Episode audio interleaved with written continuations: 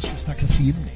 Ja, om de gör det bättre, det vet jag inte, men de gör det oftare. Det är ju omänskligt.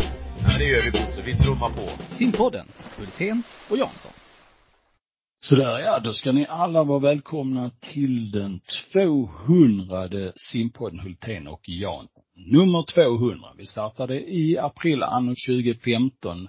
Nu är vi snart eh, sju år senare framme vid den 200 inspelningen. Jansson, grattis till dig att du har stått ut eh, med dig själv så länge. Ja, grattis själv och skål på det. Mm, tack för det. Ja du, tänk dig fyra, vad, vad sa vi, 200 poddar, en timme, det är alltså 200 timmar utav um, oselekterat snack. Mm, Förutom när vi har haft eh, kunniga gäster Ja. som ja. höjer nivån. Ja. Eh, Eh, idag ska vi ju köra en eh, eh, simpanel om en liten stund.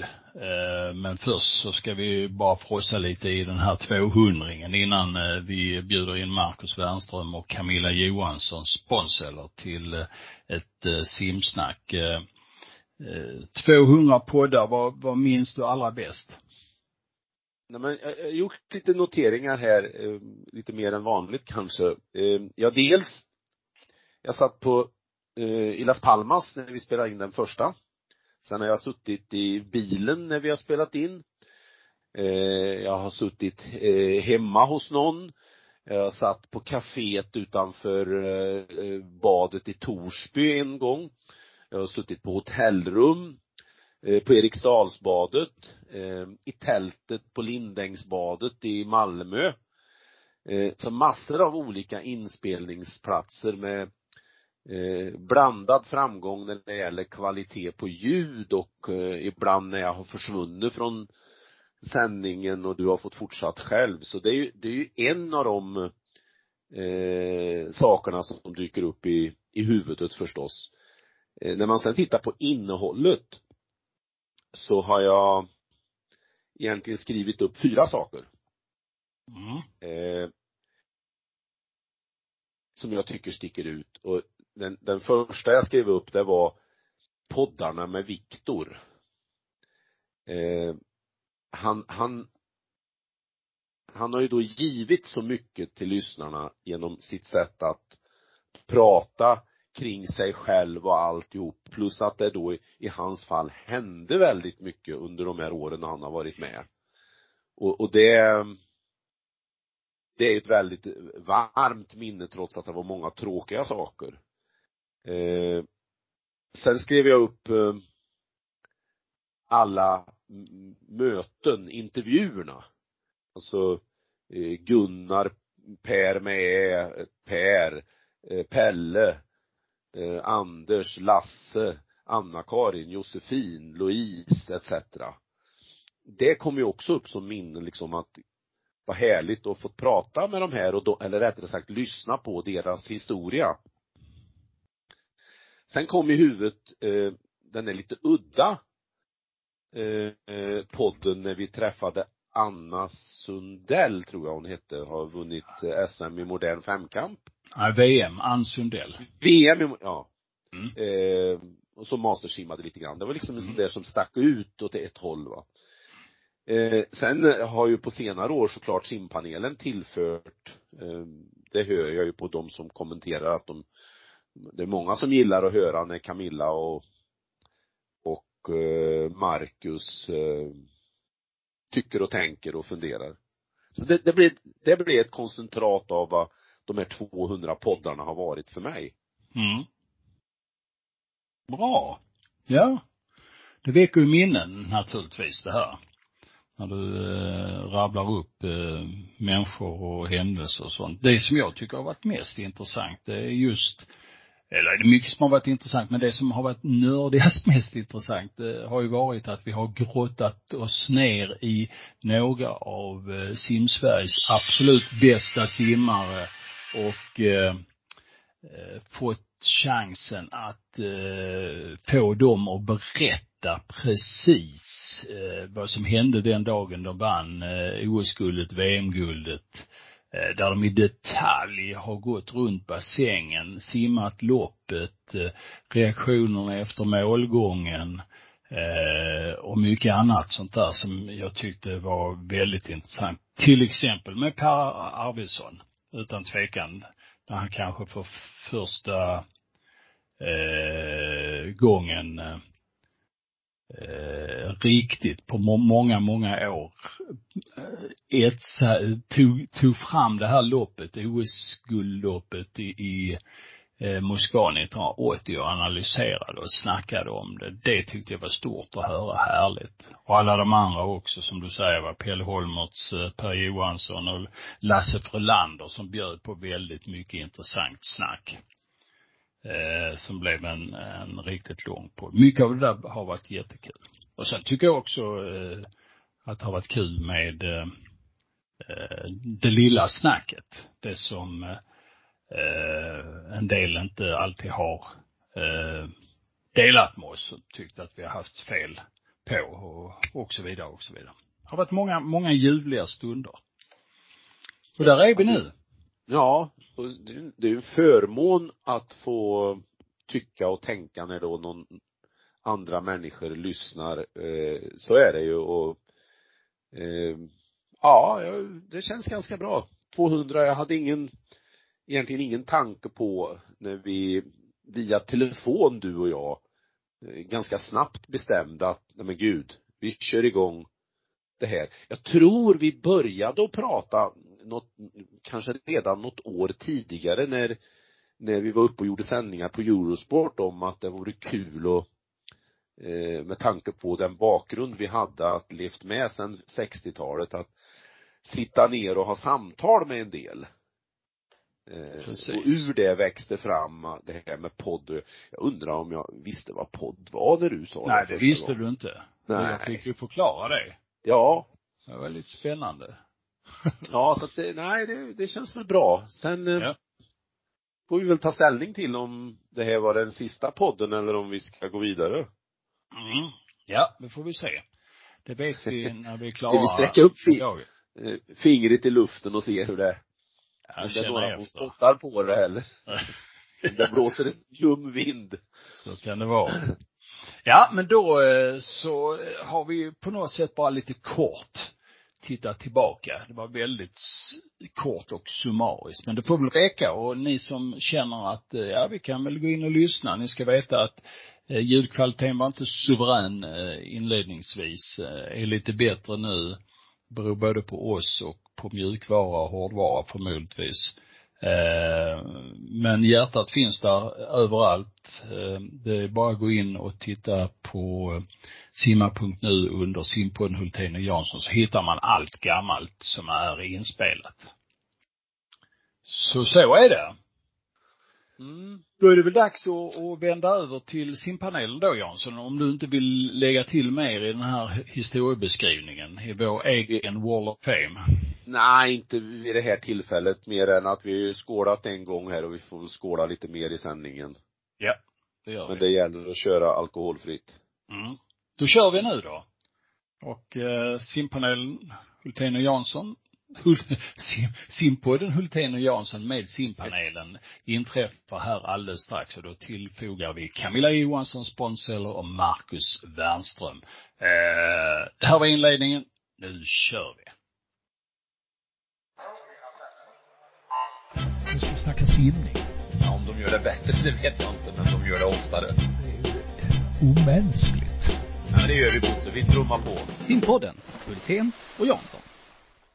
Och det är ju betydligt längre från Skåne till Umeå än från Umeå till Skåne.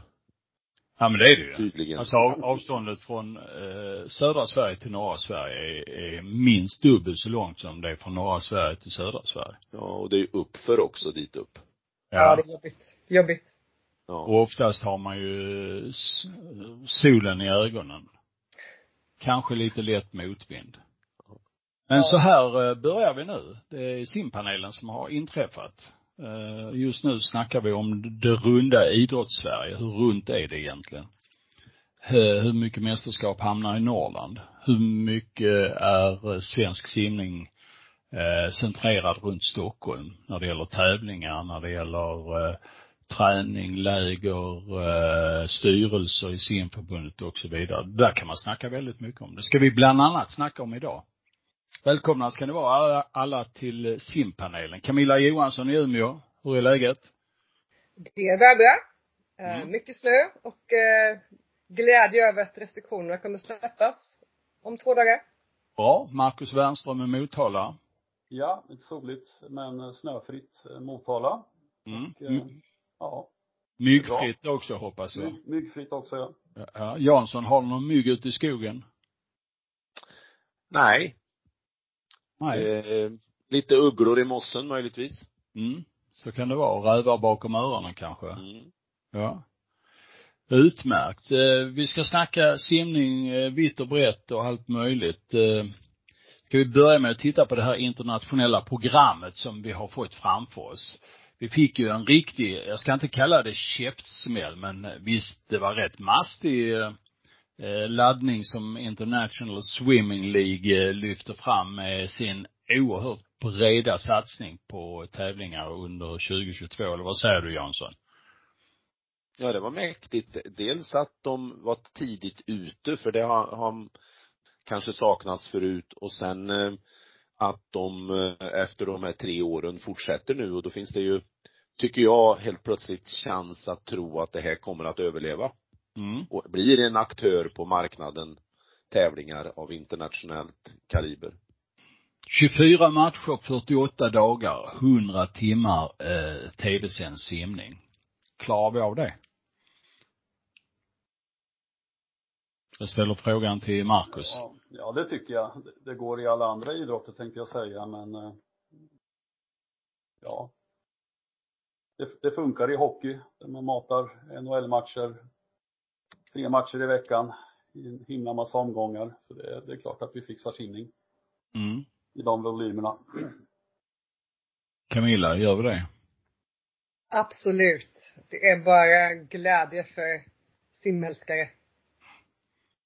Och Jansson, du som eh, har varit inblandad lite eh, sådär perifert i alla fall i ISL, vad säger du? Jo, det, det tror jag ju. Sen eh, vet vi ju inte än hur mycket tv-sändning det blir i Sverige Nej. på det hela. Det är ju inte klart än. Eh, Parallellt med detta har ju Fina då rumsterat om i sitt program. Man eh, tog Fukuoka VM i maj anno 2022, lyfte det till juli 2023. Och analogt med detta så var man ju tvungen att flytta sitt eh, Doha-VM i, i november 2023 till januari 2024. Och detta VMet, det kommer väl hyfsat i kläm kan jag tänka mig. Och sen ligger det ett antal andra VM. Eh, känslan där, eh, Marcus, när du hör allt det här om det internationella spelet och alla eh, förflyttningar och det ena. Hur, hur, hur känner du när du hör det? Eh, just nu, jag, jag jobbar ju inte på den nivån så jag ska inte säga att jag är jätteinsatt men just nu så är det rörigt och, och det kommer väl få, få vara rörigt ett tag när vi kliver ur den här pandemin också. Eh, men eh, risken är ju att vi kommer ha en del mästerskap som blir B-betonade, en del, en del billiga medaljer för det är svårt att konkurrera med eh, med, med andra aktörer där, där det finns pengar inblandat. Förhoppningsvis så håller statusen i de här långbanemästerskapen som vi går in med i, i sommar här men eh, jag ser en risk i, i, i krocken i höster. Mm. Att det blir urvattnat. Jansson, du brukar säga att VM är alltid VM och det lockar alltid rätt deltagare. Ja, det är ju det ena perspektivet på det, rätt deltagare utifrån vilka som har förutsättningar att satsa på det. Men i min, i min önsketänkande så är det ju som så att det borde tas bort många mästerskap. Mm. Idag är det ju 13 stycken, eh, nio mästerskap på en eh, olympisk cykel. Eh, och eh, det skulle räcka om det var fem kan jag tycka. Ett, eh, var fjärde år ha EM i 25 meters bana, var fjärde år har EM i 50 meters bana, var fjärde år har eh, VM i 25 meters bana etc. så det skulle bli fem. Med tanke på att den här andra typen utav tävlingar växer och som behövs för pengar in i sporten och för att ha en bredd på eliten och så, då, då tror jag man har ett vägval att göra. Eh, är det så att FINA och eh, den europeiska respektive de andra världslandsdelarna eh, fortsätter sina program, då kommer det tror jag bli krockar i de här systemen som på sikt urvattnar eh, det här totalt. Då är det, då är det nästan bättre att ISL upphör så att säga. Eh, men jag tror ISL fyller en, en, den modern, en modern tävling som fyller ett behov men kräver en förändring på mästerskapssidan. Mm. Ja, det är spännande att se hur, hur man kan utveckla det där eh, på de olika, i de här olika lagerna. Eh, när du nämner len och sånt, så bara som en bisats, eh, vi fick ju en eh, hyfsat högt positionerad delegat i, i det europeiska simförbundet i, i helgen. Det har ni väl läst om va? När Christer Magnusson blev vice president i Europeiska simförbundet och man valde bort eh, italienaren Barelli till förmån för eh, en eh, eh, holländare. Det kommer mer om det i veckan. Eh, kan lovas på simma.nu om man hänger med där lite. Eh, men eh, det, det känns väl ganska bra. Eller vad säger du Marcus? Ja, jag reagerar ju på gruppbilden där och det såg jag att det, det var andra som gjorde också när ni, när du la ut det på Simma på, Facebook-sidan där med eh, jag räknade till 23 i gubbar. Nej, det var inte jag som la ut det. Mm. Det kanske var simförbundet. Ja. ja. Ja. 23 var fördelningen. Mm. Och det är ju lika pinsamt där som det är i finarna naturligtvis va.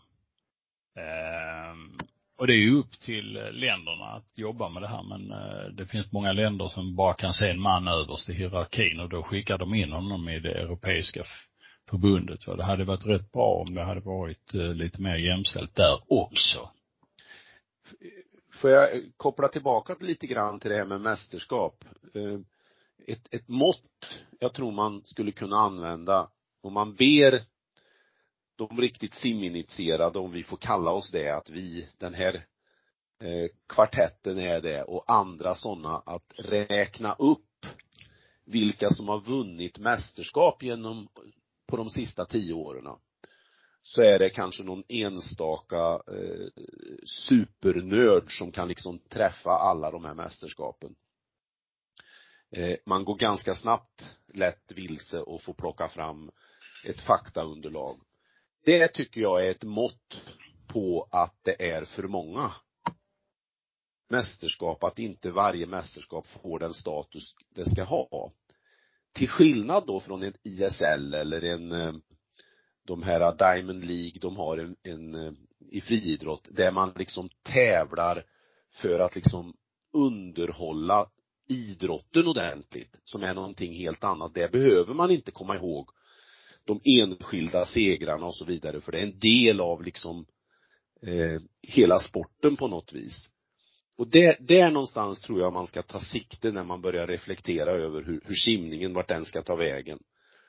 Så ISL fyller då ett syfte, men bara om eh, det blir ändring i mästerskapsprogrammet. Annars mm. kommer vi drunkna allihop. Mm. Idrotten som drunknade, simning. Ja. Ja, skulle, eh. skulle jag få den uppgiften av dig Thomas och rabbla mästerskapsmedaljörer på, på 2000-talet så skulle jag gå bet. Men jag skulle nog sätta dem på 80 och 90-talet. Mm. Ja.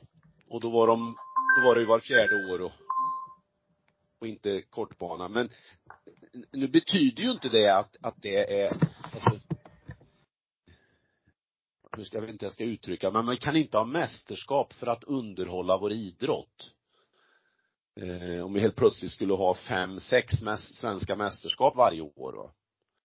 Så att de har en läxa att göra och vi får väl skicka eh, skrivelser till Christer Magnusson att han i sin roll kan försöka påverka Europeiska simförbundet LEN.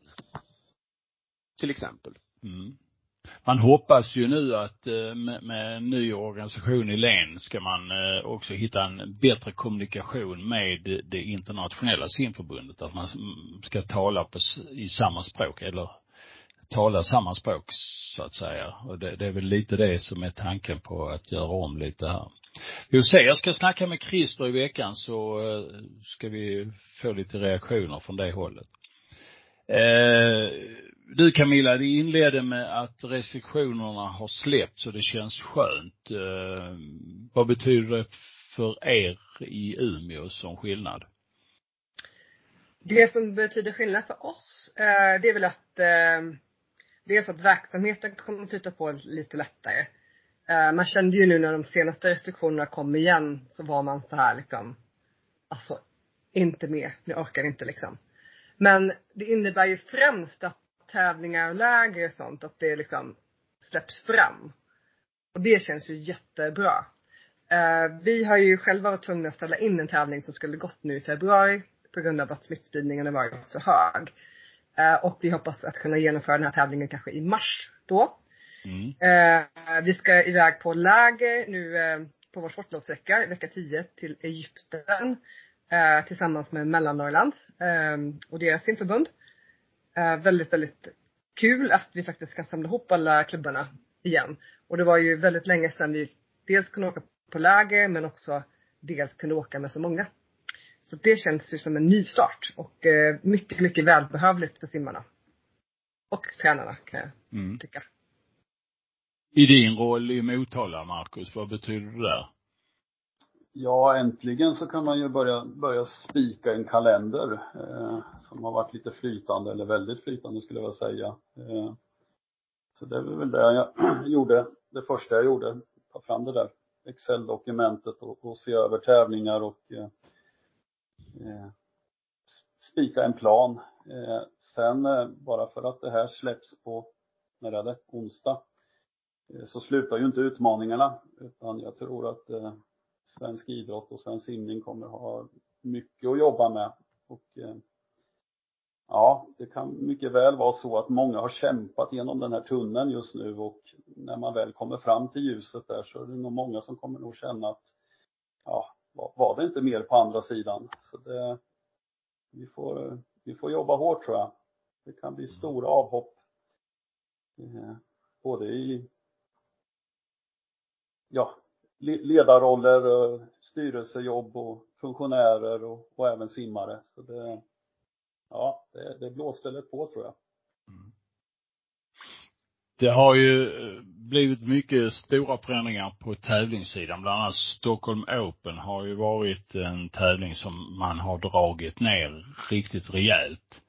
Eh, och landat i ett mycket mindre antal deltagare. Nu, nu har man väl skruvat upp det här lite om jag förstår rätt. Eh, och lagt på en del eh, eh, fler starter. Är det så att Stockholmsklubbarna, de bor hemma så att stockholmarna, det antalet stockholmare som finns kan motsvara det tillskottet som kommer utifrån va? Är det så Camilla? Ja, det, det, jag skulle gissa att det är så. Det var ju 500 simmare som fick chansen att vara med på Swim Open. Uh, varav 220 var utländska simmare och resten var svenska simmare. Så har de gjort en uppdelning på juniorer, seniorer, eh, kvinnliga, manliga simmare. Eh, och nu är det 620 simmare som är inbjudna. Eh, så att de har ökat lite grann då. Och då, då har man väl täckt upp liksom det man förlorar i bokningsunderlag på Clarion med fler simmare. Och uh, man öppnar för en, en liten publik, 200-300 personer. Mm, mm, mm. Ja, det känns ju som normaliserat. Hur, hur, hur, Jansson, vet du, kommer det bli tv-sändningar runt det här eller har vi hört något? Nej. Det, jag har i alla fall inte gjort det och det har ju varit ganska eh, kort horisont med, med det också genom åren. Men vi får väl hoppas att det blir mm. tv-sändningar som förra mm. året. Mm. Det får vi göra. Eh, sen, sen en allmän reflektion när det nu släpper och det kanske är mer kopplat till simförbundet. Jag, jag tror det är bra om man ägnar en reflektionsstund till hur, hur man har kommunicerat och tänkt under den här pandemin för att det är ju inte otroligt att det kommer nya sådana här framöver och eh, se vad har varit eh, när, när var vi för rädda och när var vi för passiva etc. och, och att man tar med sig någon sorts kunskap för att kunna hantera det på ett bättre, ännu bättre sätt nästa gång. Tror du, alltså generellt sett, tror du samhället kommer att titta sig själv i spegeln och ställa frågan vad gjorde vi rätt och vad gjorde vi fel? Kommer det bli ja, så? De, proffs, de proffsiga organisationerna och proffsiga människorna, de hoppas jag lever så jämt att reflektera, fundera och um, se hur man kan gå vidare men eh, huruvida simförbundet gör det eller ej, det vet jag inte. Mm. Får vi se. Mm. Eh, vi har presenterat de bästa klubbarna i eh, svensk simning här, eh, eller det har presenterats senaste veckorna. Neptun var den enda klubb som tog poäng i alla, alla idrotter så att säga, som är involverade här och blev bästa klubb. Eh, ser vi en trend där, Marcus, när det gäller eh, bästa klubbar och poäng? Någonting som du eh, la märke till? Ja, Neptun, Stockholm överlag. Eh, jag kan, eh, jag kan se en trend av att eh, klyftorna ökar mellan Stockholm och övriga Sverige. Eh, jag tror också att även inom Stockholm så skulle man kunna eh, göra bättre samarbeten så att inte alla, så att man inte tävlar om allting. Eh, just nu så tror jag trenden där är att, att Neptun är väl bäst på allting. Man är bäst på tävlingssimning, man är bäst i öppet vatten, man är, man är väl bäst på bredden till och med. Man är bäst på masters. Eh, så kanske lite mer samordning i, i Stockholm och där eh, klubbarna runt omkring Neptun om man säger så kanske tänker till lite vad, hur, hur de skulle kunna nischa sig eh, eh, skapa en inriktning. Eh, ja, just nu så ser jag inte, det är ingen, det är ingen jättekamp där ute om, om Sveriges bästa simklubb. Eh, Helsingborg på andra plats och ja. Jönköping på tredje. Eh, vad har hänt i de två klubbarna? Helsingborg har tappat mycket poäng. Eh, hade en, en fantastisk generation och skickade över ett, ett, stort gäng till USA va. Med systrarna Hansson i spetsen och inte varit hemma på alla mästerskap så det är ju, det är ju stora poängdrivare. Eh, Jönköping har haft en, en väldigt stark generation också.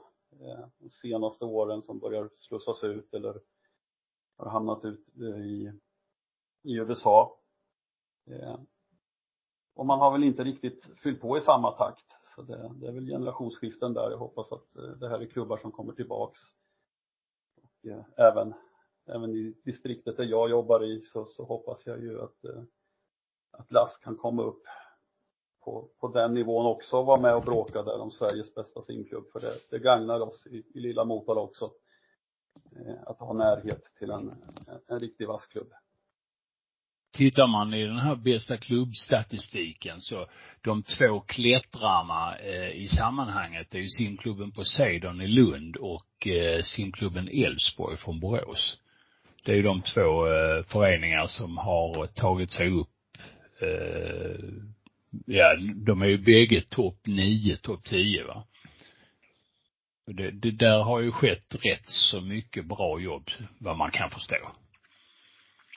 Sen är ju status quo rätt mycket som du säger, Neptun, Helsingborg, Jönköping, Malmö ligger alltid där och skvalpar. Även om det är lite upp och nedgång i simningen så är de ju överlägsna i hopp, till exempel. Tar mycket poäng. Eh, och sen eh, Linköping, Spårvägen finns med och Väsby, Täby. Ja, det, det ser rätt så lika ut med eh, bland då fyra Stockholmsklubbar bland de tio bästa.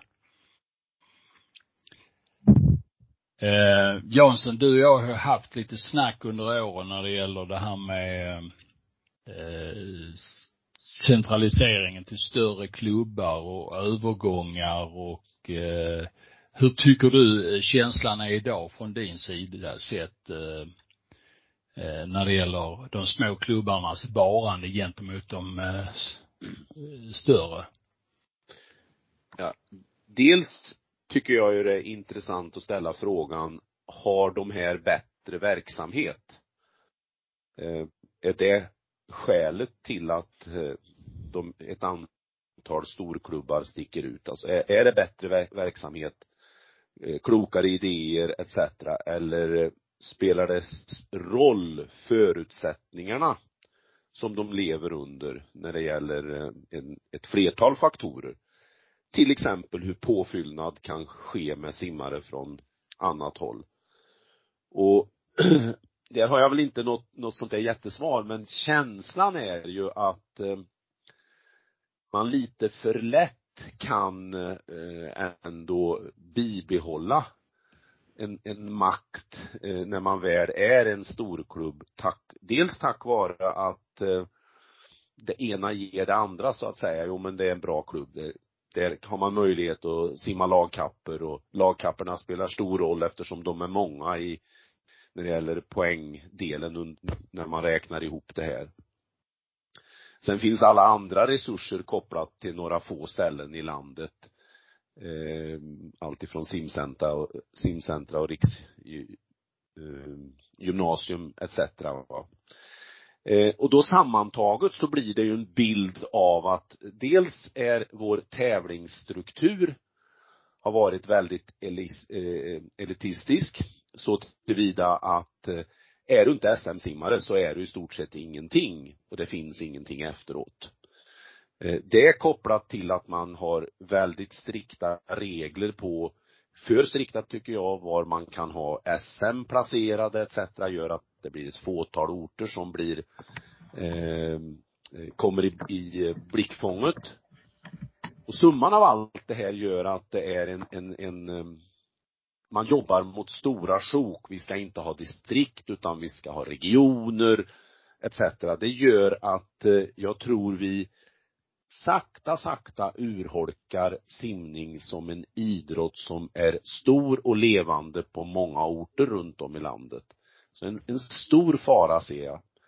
Och ett sätt att föra in här kan ju vara att nej men eh, det ska kosta pengar om man ska byta klubb och det ska betalas till moderklubben. Mm. Det ska vara lite svårt att kunna byta klubb, eh, inte kunna göra det när som helst på året utan det kanske ska vara ett fönster öppet och och sen kostar en stor slant från den klubb som får en simmare som är över 15 år och är SM-kvalad till exempel. Vad tycker du om det Camilla? Kan det vara någonting? Alltså jag vet inte om det faktiskt kommer till rätta med problemet. Jag tror väl att i sådana fall det man behöver ta, ta bort i sådana fall, det är ju liksom incitamentet eh, för varför klubbarna vill samla på sig alla de här simmarna. Och det är ju liksom klubbpoäng på, på de olika mästerskapen. Eh, att man kanske räknar klubbpoängen lite annorlunda. Så att det inte lönar sig att ha så många simmare. Utan att ha de bästa simmarna. Eh, det kan ju vara en sak att fundera på. Eh, och det har vi ju tagit upp tidigare i andra poddar kring det här. Eh, men jag vet inte riktigt. För att det, det är lite så här tvådelat eh, för mig. Eh, jag tycker inte att man som förening ska jobba för att, att värva simmare från andra föreningar. Eh, har man simmare som kommer till ens förening och bara vill träna men vill bibehålla sitt medlemskap i sin ursprungsförening så tycker jag att man ska jobba för att man ska kunna göra det. Och inte ha ett krav att man måste byta förening. Det är ju ett otyg tycker jag. Eh, alltså att det är så. Um, och en del klubbar efterlever ju det. Att, uh, att man liksom erbjuder träning även om idrottaren inte tillhör ens egna klubb. Men jag tror på allt för många platser så är det ju inte så utan är man där så måste man byta över. Eh, det, är stor press för det. Och det är kanske det man behöver komma åt mer. Eh, att, att det inte blir så eh, territoriskt. Mm. Ja, jag har väl upptäckt att, eller upplevt väldigt mycket att eh, eh, där det har varit tätt mellan simklubbarna, där har man eh, många gånger inte löst uppkomna problem genom att eh, snacka, diskutera, komma fram till lösningar, utan eh, lösningen på problem det är att byta klubb. Eh, så är det nog rätt mycket i storstadsområdena där det finns ett utbud, men också i eh, landskap där, som Skåne till exempel, där det är nära mellan klubbarna. Eh, där, där skiftar man klubb, man löser inte problemen. Och det är ju eh, ingen bra livsdomserfarenhet att fly från det och sen hitta något nytt va. Sen är det ju så här trots allt att det, jag menar, många föreningar, eller ett, ett antal föreningar har möjlighet att lyfta simmare ända upp. Va? Men om vi tittar rent historiskt sett eh, i svensk simning så många av simmarna, speciellt under senare delen av 1900-talet, de tränade ju i små föreningar, fick alltså utrymme och plats och kunde utvecklas där. Och stordriften, eh, då menar jag stora SM-lag, gav inga fördelar eh, om vi tittar på respektive simmars utveckling. Utan det är snarare så att eh, i många fall så eh, blir gängen för stora. Simmarna får för lite uppmärksamhet och eh, klubbarna strävar mer efter det du snackar om, att skapa poäng på mästerskap, att skapa lagkapslag. Och den prioriteringen kommer före individen. Och eftersom vi är en individuell idrott och eh, ska vi säga, omvärlden räknar och bedömer oss utifrån det individuella sättet att tävla så eh, har vi säkert missat jättemånga eh, duktiga talanger som har malts ner för att bli lagmedlemmar i stora klubbar. Kan det vara så Jansson? Jo men det tror jag absolut det kan vara. Det är ju flera ingångar i, i den här problematiken men skulle jag generalisera så är det ju liksom för lätt att få påfyllnad. Eh, alltså det, tar man Jönköping till exempel så har de ett upptagningsområde. Eh, och eh, där det blir en ständig påfyllnad och då blir det på ett vis inte riktigt ett mått på vad det är man klarar av och det, jag tror det finns en fara i det så att eh, eh vi, vi har ju en punkt som heter var simgymnasierna ska ligga och, och det, det tangerar ju problematiken det också. För idag är det ju så att eh, det finns ju olika nivåer av simgymnasier. Det finns två stycken riksgymnasier, RIG, och de finns i Jönköping och Helsingborg och sen finns det nio eh, gymnasier som är, har en mer lokal prägel kopplad till en klubb. Och de här två riksgymnasierna Eh, lite märkligt tycker jag kanske att de är placerade i eh, städer och anläggningar där klubb nummer två och klubb nummer tre i landet befinner sig.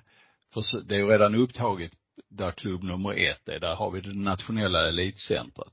Och då kan man ju fråga sig, eh, är det bra eh, att man har den organisationen? Marcus, eh, tycker du det? Du som jobbar på eh, gymnasienivå eh, med en idrott. Ja, jag är ju halvtidsanställd som, eh, som tränare på Riks triathlongymnasiet här i Motala. Mm. Mm.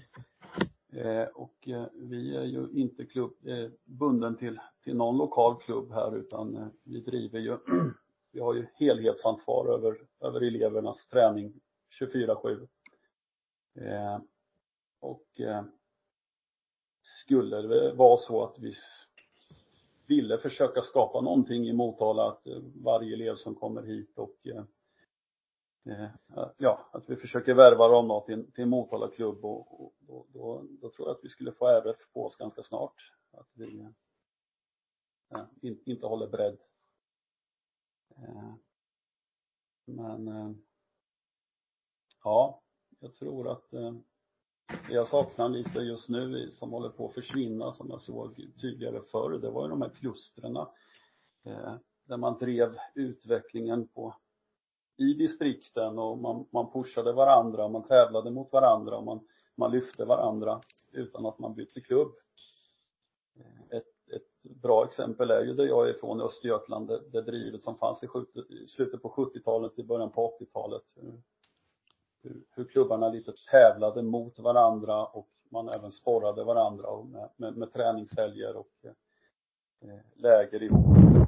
Man var ju ett eget, ett eget ekosystem oavsett vad, vad förbundet uppe i Stockholm tänkte och tyckte om träning. Så, så drev man på här i Östergötland.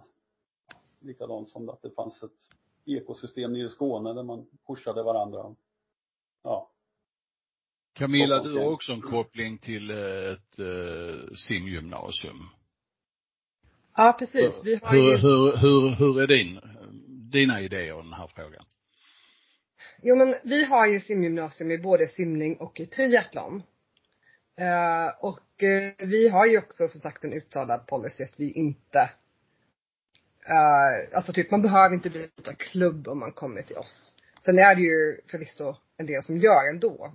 Speciellt när man har varit här ett par år för att det blir bara lättare när man, när man bor här att man liksom också tävlar för, för vårt klubblag liksom. Och att man gillar liksom vårt gäng.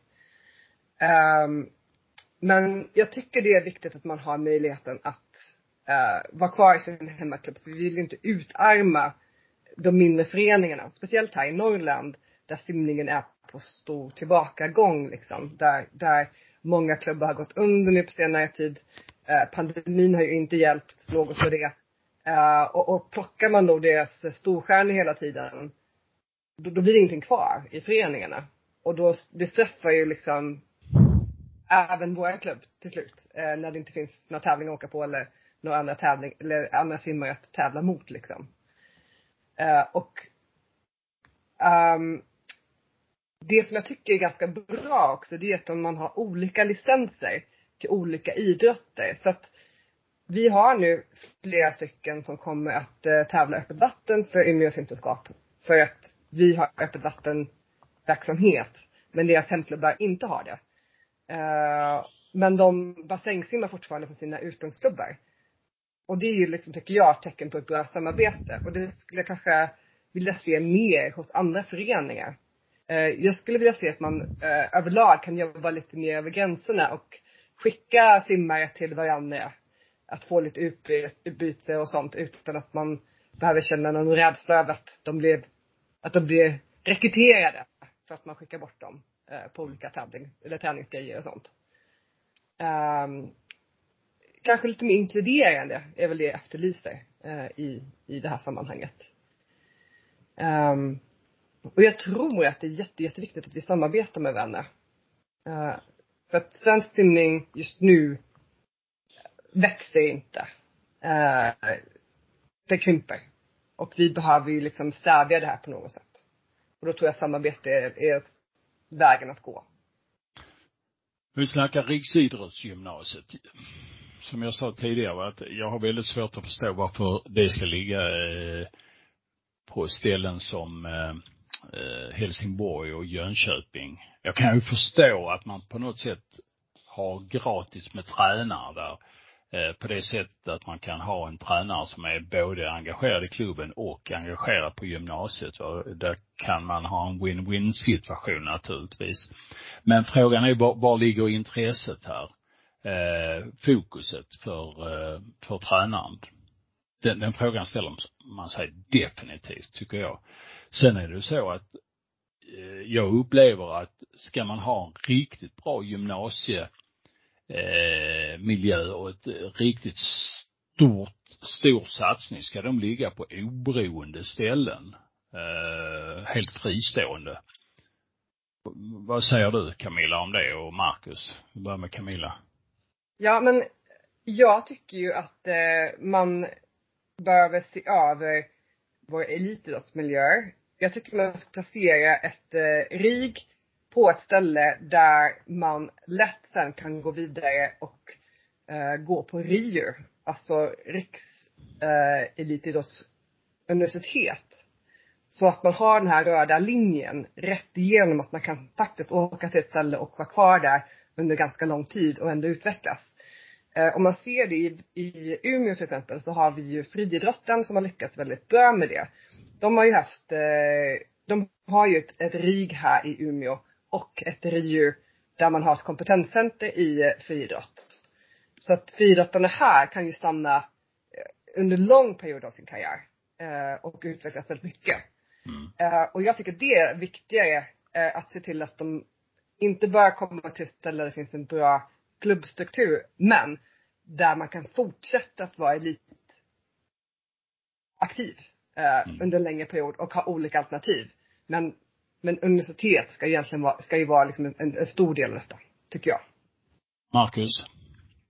Eh, När man placerar ett RIG så ska man inte vända sig till en klubb. Man ska inte vända sig till Helsingborg eller Jönköping. Har ni, har ni lust att driva ett RIG? Utan man ska ju vända sig till en kommun. Eh, och det är ju den kommunen som är mest intresserad som ska liksom få chansen att, att att de här möjligheterna har vi.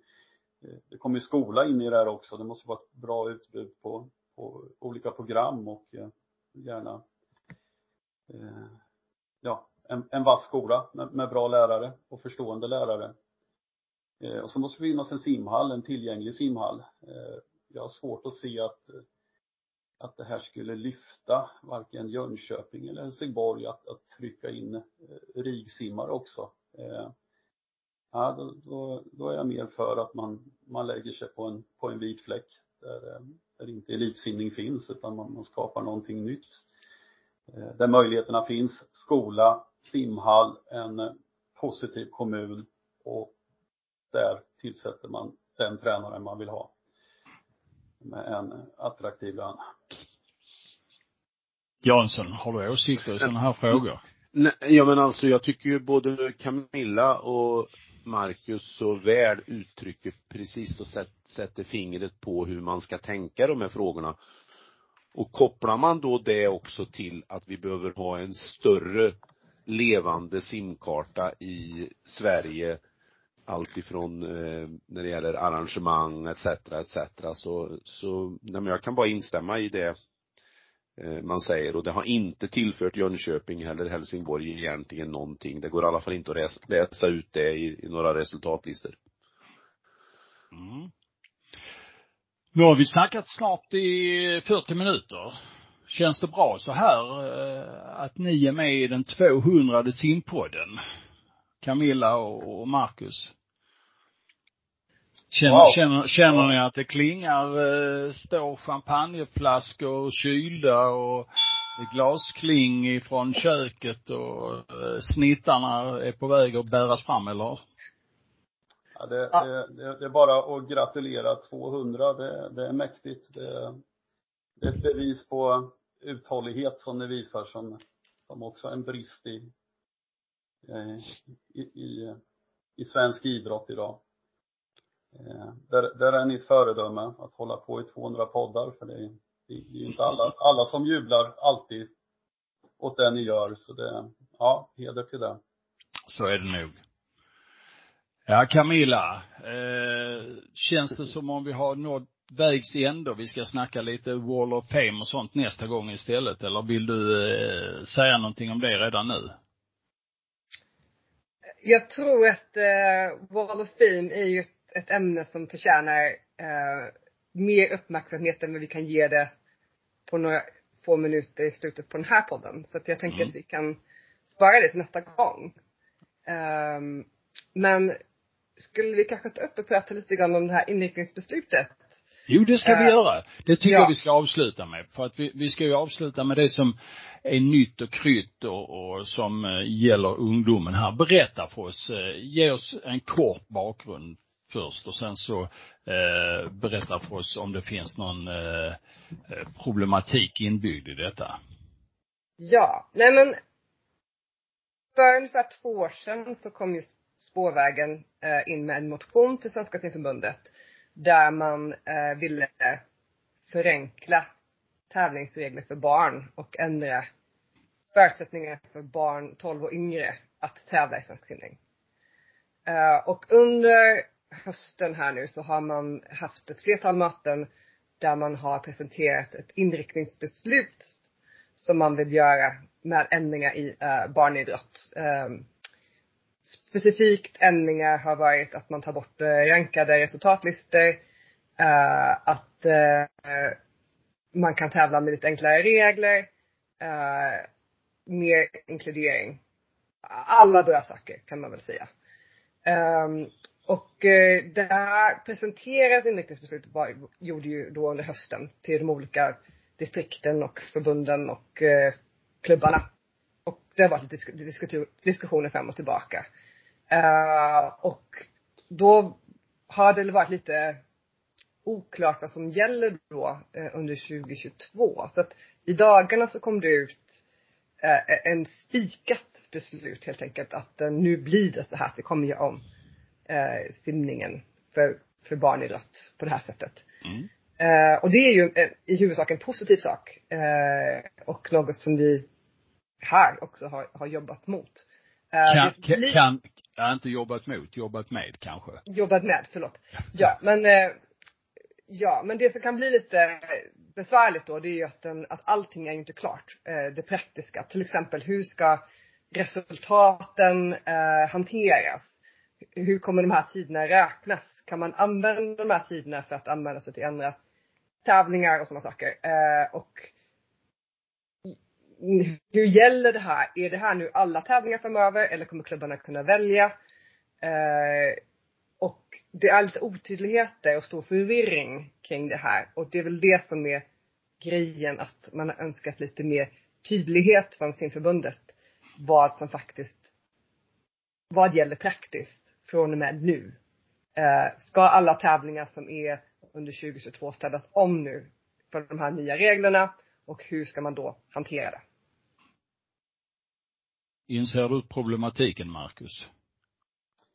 Ja, jag vill ju att, eh, jag försöker i alla fall tänka så här att det här nya som kommer nu, det, det är också, inte istället för. Eh, att eh, barnidrott, vi vet, forskningen säger att eh, barn mår bra av att eh, tävla ofta och varierat. Eh, så det är viktigt att, att vi tänker också att det här är ett sätt att, att bredda idrotten, att tävla på olika sätt och tävla utan resultat, tävla med resultat och ha olika nivåer på tävlingar. Det är självklart så att vi inte ska bromsa den här 11-åringen som har varit tävlingssimmare sedan de var fem och kan simma 400 medley. Den måste också få chansen att anmäla sig till tävlingar och få simma utmanande distanser. Det är inte dem vi ska liksom bromsa. Det här är ju för att fler ska få chansen. Så också är ledordet. Mm. Jansson, ska du ha sista ordet i, i den här podden? Nej, men jag var lite bekymrad när jag, för jag var med och lyssnade på några av de här uh, hearingen man hade under hösten för att komma fram till ett beslut. Och då var jag lite bekymrad att det skulle bli eh, otydligt så att säga. Så jag blev lite glad när det kom ut för jag tyckte ändå att det uppfyllde eh, tillräckligt mycket på tydligheten. Däremot var jag inte kanske insatt, eller är inte insatt i den praktiska hanteringen som då Camilla är inne på. Och då får man väl bara hoppas att det löser man då ganska fort för att i det stora hela tycker jag det var en, en framgång att, eh, för simförbundet att eh, nu ha det här på plats. Så mm, all heder åt det. Mm. Ja, vad bra. Eh, då avslutar vi med de här positiva orden om inte Camilla vill lägga till någonting på slutet här.